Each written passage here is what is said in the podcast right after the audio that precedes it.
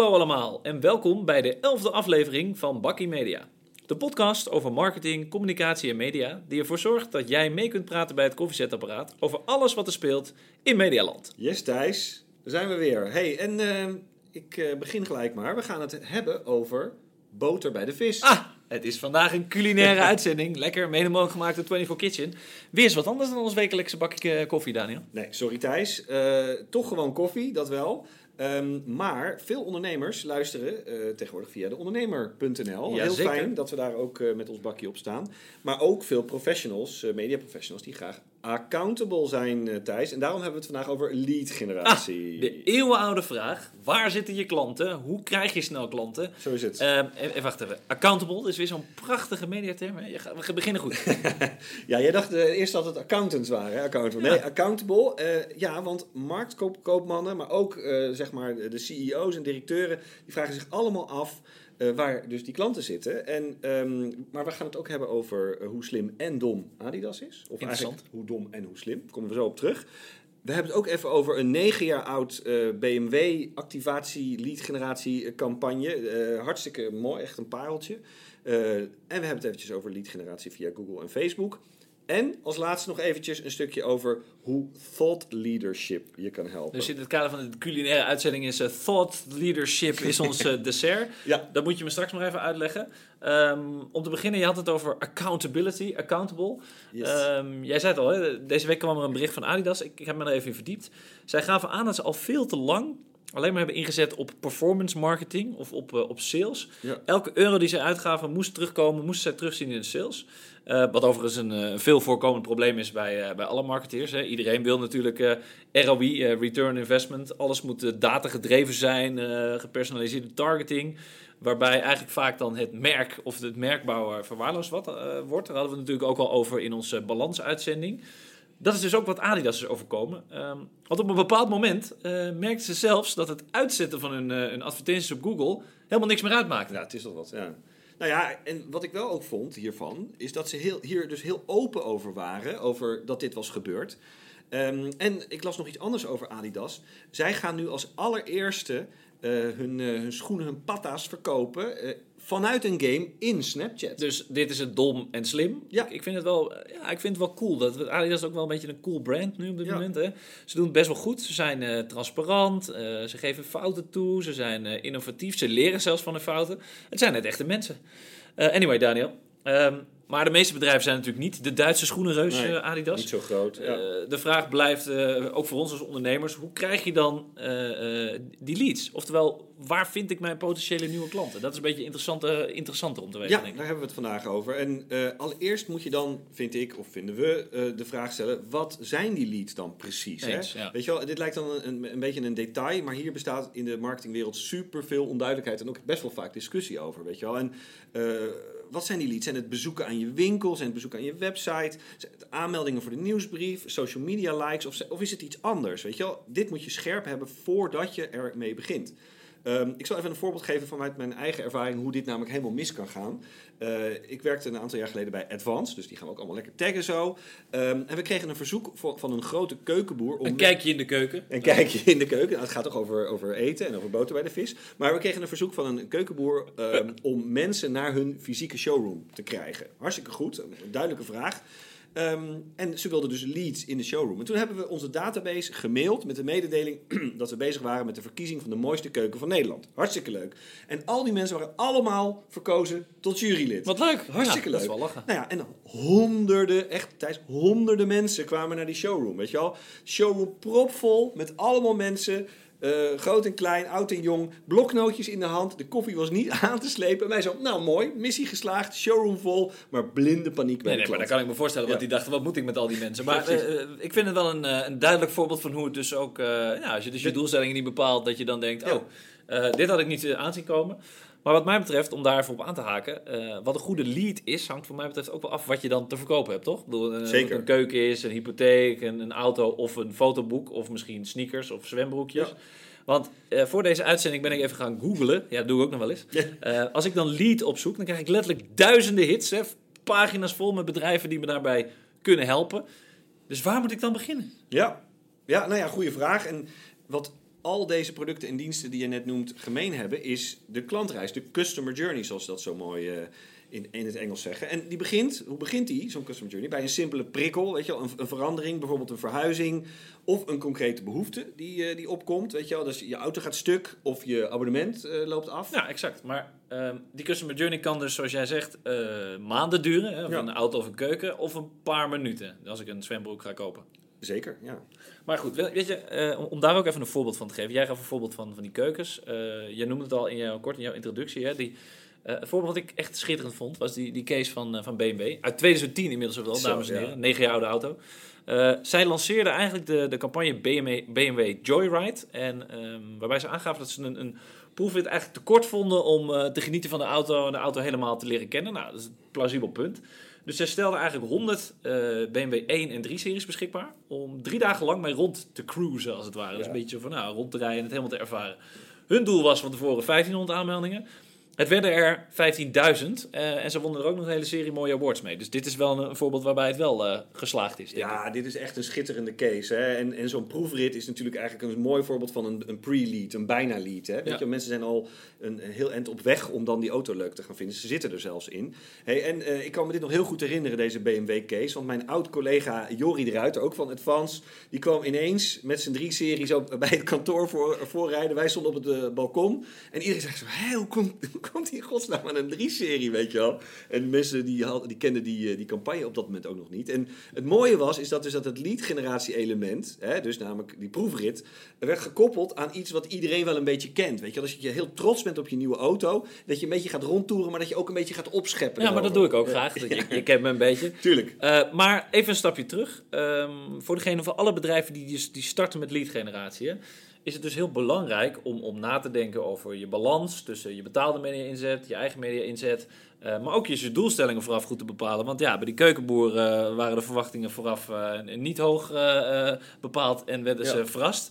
En bij BMW was het juist een voorbeeld waarin het ja, eigenlijk de verwachtingen overtrof, maar op een positieve manier. Dus voor het optimale resultaat moet je wederom weer, nou daar is hij weer, balans vinden. Ja, en nou ja, goed, op korte termijn kan je natuurlijk absoluut met betaalde inzet traffic en leads genereren. Wij noemen dat vroeger altijd de heroïne shot, weet je wel. Vers- ja, het is wel verslavend. Ja, precies. Het voelt even goed en het, het lijkt wel wat op te leveren, maar het, het appt ook wel best wel weer snel weg. En, ehm, maar het opbouwen van eigen bereik, hè, echt daadwerkelijk bereik rond je eigen omgeving, rond jouw online en offline platforms, dat zorgt eigenlijk voor echte duurzame interesse. Mm, weet je ja. wel. En, ehm, ja, en daarvoor moet je dus eerst bepalen waar hangen jouw klanten eigenlijk rond. En hier begint eigenlijk anno 2019 echt het harde werk, want het is zo versnipperd.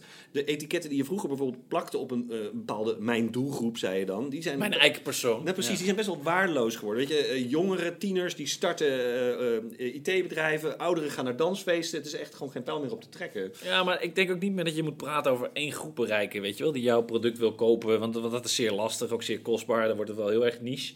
En eh, wat ik, ik, ik las laatst een artikel, was wel interessant, een mooie vergelijking, dat het genereren van leads tegenwoordig minder eh, breed eh, hagelschiet is met een jachtgeweer, maar veel meer eh, gericht vissen in een vijver. Nou ja, boter bij de vis, ik zei het toch? Nou, inderdaad. Dames en heren, eet smakelijk voor je lunch of je avondeten of je ontbijt, wat je Ja. ook aan het doen bent. Maar ehm, concreet gaat het hier dus eigenlijk om dat je dus heel, eh, wat jij al zegt, hè, specifiek onderzoek moet doen naar jouw klanten. Eh, maar je moet eigenlijk kijken in welke vijver je- ga je dus vissen. Dus je moet bepalen van nou, welke vij- vijver kies ik dan. Want veel van onze kennis van doelgroepen die wij hebben, is toch gebaseerd op vooroordelen, eh onderbuikgevoel, hè, waar we allemaal in de marketing eh, onze buik vol van hebben. Mooi ook weer in het kader van eh, de culinaire uitzending. Maar om een aantal voorbeelden te geven, ik was natuurlijk aan het googlen naar leads, maar ik dacht ik google nog even verder. Ehm 60% van, van alle sportcontent wordt dus verrassenderwijs ook bekeken door vrouwen. Dus Ja. niet alleen maar mannen. Weet je, in eerste instantie zou je denken, nou, mannen is alleen maar sport, voetbal. Ehm, en toen ben ik verder gegaan. Eh 45% van alle gaming-gerelateerde zoekopdrachten ehm, wordt dus ook gedaan door 35-plussers. Niet Dus door kids. Nee. niet alleen maar door Ja. kids en, en teens. Ja. En als laatste kwam ik erachter, in het kader van ons autovoorbeeld van BMW, dat 60% van de autozoekopdrachten gedaan wordt door vrouwen. Dus in mijn optiek is het een kwestie van slim vissen. Ja, en Thijs, als we het hebben over slim vissen, weet je, je noemde net al Google, maar de grote techbedrijven zijn tegenwoordig echt onmisbaar in lead Nou generatie. ja, sterker nog, Daniel. Kijk, wij, wij richten ons natuurlijk eh, eh, ook wel hè, als ondernemers op, eh, op slimme tactieken. Dan durf ik wel te zeggen dat voor veel van deze kanalen eigenlijk wel onmisbaar zijn. Zeker als je een, een krappere beurs hebt met minder te besteden, zijn het bijna de, de enige tools. Hè. Ze dwingen je wel bijna in een soort ja, squeeze dat je er niet uit kan. Want aan de ene kant is het een beetje gratis. Hè? Dan lokken ze je van, oh kom, zet je je, een voucher zet voor... je Google Business account op Ja. of zet lekker je Facebook account op. Ja. Eh, en als je dan geld gaat uitgeven of je gaat een premium account nemen, dan wordt het grotendeels meetbaar. Dus daar denk je bij ook eh, eh, hoe Google werkt met zoekwoorden. De zogenaamde Search Engine Advertising. Of, eh, ehm, waarbij je dus eigenlijk zorgt van, als je dat goed doet in combinatie met je SEO, dus je zoekmachine optimalisatie, zorgt er weer voor dat jouw site weer matcht met de meest gezochte woorden in een bepaalde categorie. Dus het is een beetje ja, Ja, ja, heel indoctrinatie van onze tech giants. Hè? Slim, eh, slim model, inderdaad, wat ik net zei. Dat is ook met een voucher van 50 dollar of zo. Dat Ja. ze je dat cadeau doen en dan begin je daar lekker, lekker makkelijk aan. En, Wederom je heroïne shot. ja, precies. En, en Facebook, hoe, hoe doen zij dat? Nou ja, wat Facebook doet, is die geven jou dus de mogelijkheid om een pixel te plaatsen of een, of een, of een meet, eh, meetplaatje, hè, zo kun je het ook wel noemen, een cookie pixel. Zo kun je dus precies achterhalen ehm, welke mensen vanuit eh, Facebook op jouw website komen. En op basis daarvan maak je dan een soort custom audience, zoals het heet, of een database met klanten. Een eigen database? Eigen database, nou daar bouw je dus eigen data mee op aan mensen die je dus jouw advertentie kunt vertonen. Of je maakt via Facebook zelfs een grotere database met mensen die dus ook op jou lijken. En dat zijn dan de lookalikes. En dat zijn dan weer mensen die lijken op, eh, op jouw klanten of op jouzelf. En daar een soort connection zijn. Dus je krijgt een soort community van clients, een community van klanten.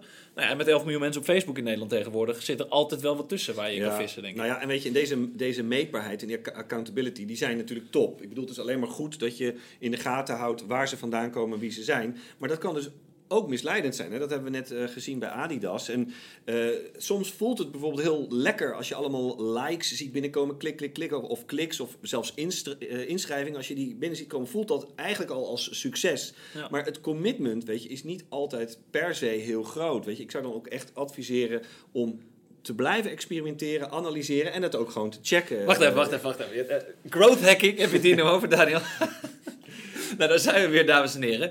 Daniel is overstag gegaan, toch? Bij eh, growth hacking. Nee, Ehm, ik heb het over, als we het dan over growth hacking hebben, zoals het bedoeld is. Weet je wel, echt bijna een soort van scientific, wetenschappelijk. En niet de bullshit bingo growth hacking. Dat Ja, dan daar niet. hadden we het vorige week al Ja, over. precies. Maar eh, over meetbaarheid en, en experimenteren gesproken. eh, je moet dus als adverteerder echt goed opletten. Weet je, Adidas hebben we net al naar gerefereerd. Er zijn nog meerdere voorbeelden. Maar wat Google doet, eh, zij hanteren een zogenaamd eh, eh, ja, attributiemodel van je geld hè, voor, voor de leads. Standaard hebben ze dat ingesteld binnen Google Analytics, wat zij het last click model noemen. En hierbij is eigenlijk de laatste actie van de consument bepalend in de meting. Maar dat negeert eigenlijk de rest Ja. van alle dingen. Ja. Dus wat, wat vind jij daarvan? Nou ja, eh, tegenwoordig is, de, is de, de, de klantreis, de customer journey, waar we het eerder ook al over hadden, is natuurlijk veel langer. Het ligt natuurlijk een beetje aan wat voor product het is. Maar mensen die gaan echt eh, van links naar rechts eh, als ze op zoek zijn naar een bepaald product. Ze gaan vergelijken, ze, gaan naar, ze lezen een nieuwsbrief, eh, ze gaan even offline, ze gaan even naar een winkel, ze checken het even bij hun moeder of, of een broer. En ze komen langs dus heel veel verschillende contactpunten met diverse boodschappen via diverse media. Ja. Dus voordat hij uite- uiteindelijk in de winkel komt en zijn aankoop doet, hè, die last, last click, is hij al bij, op heel veel plekken geweest. En al die andere punten moet je ook meten. Die zijn ook van belang. En, maar goed, hè, de, de, de sweet spot, de, de holy grail van dit meten, daar is de hele markt natuurlijk naar op zoek. En uiteindelijk profiteert Google natuurlijk zelf het meeste van dat last click model, weet je wel. Want vlak voordat je gaat kopen, ga je vaak toch via Google, vul je toch eventjes eh, eh, de, het woord of het product of het merk in. Genoteerd, dames Yes. en heren. Maar ehm, voordat we weer helemaal te veel de details ingaan en onze luisteraars afhaken op dit moment, eh, laten we eens even kijken naar wat goede en wellicht ook nog wat onbekende voorbeelden voor iedereen van lead generatie voor merken, want daar gaat het uiteindelijk om. Ik hoorde jou laatst over een merk, Mr. Marvis. Ja, man. Klinkt als een, eh, klinkt als een Marvel hero. Nou, weet je, ik bedoel, noem het maar onbekend. Het ligt, het ligt er denk ik net aan in welke bubbel je zit. Maar ik was eh, einde van de zomer op het zogenaamde Daddy Camp met eh, allemaal papa's. Wat jij toch ook allemaal niet doet, hè, Dario? Ja, precies. Ik bedoel, ik zit dan met allemaal vaders van, van mijn zo, kinderen die in, in mijn zoons klas zitten. Waren op Daddy Camp en kamperen. En toen noemde ik dat. Ik zo, jeetje, zien jullie ook al die verschillende uitingen van Mr. Marvis deze zomer, weet je wel?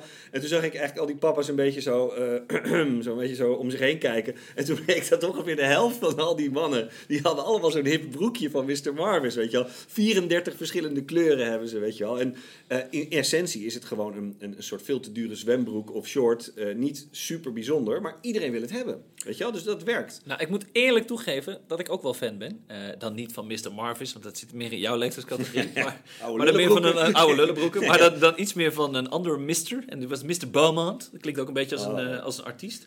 Eh, maar Mr. Beaumont, die maken dus ook zwembroekjes. En daar heb ik onder andere de, de Rocketman van. Een zwembroek met raketjes, waterijsjes erop.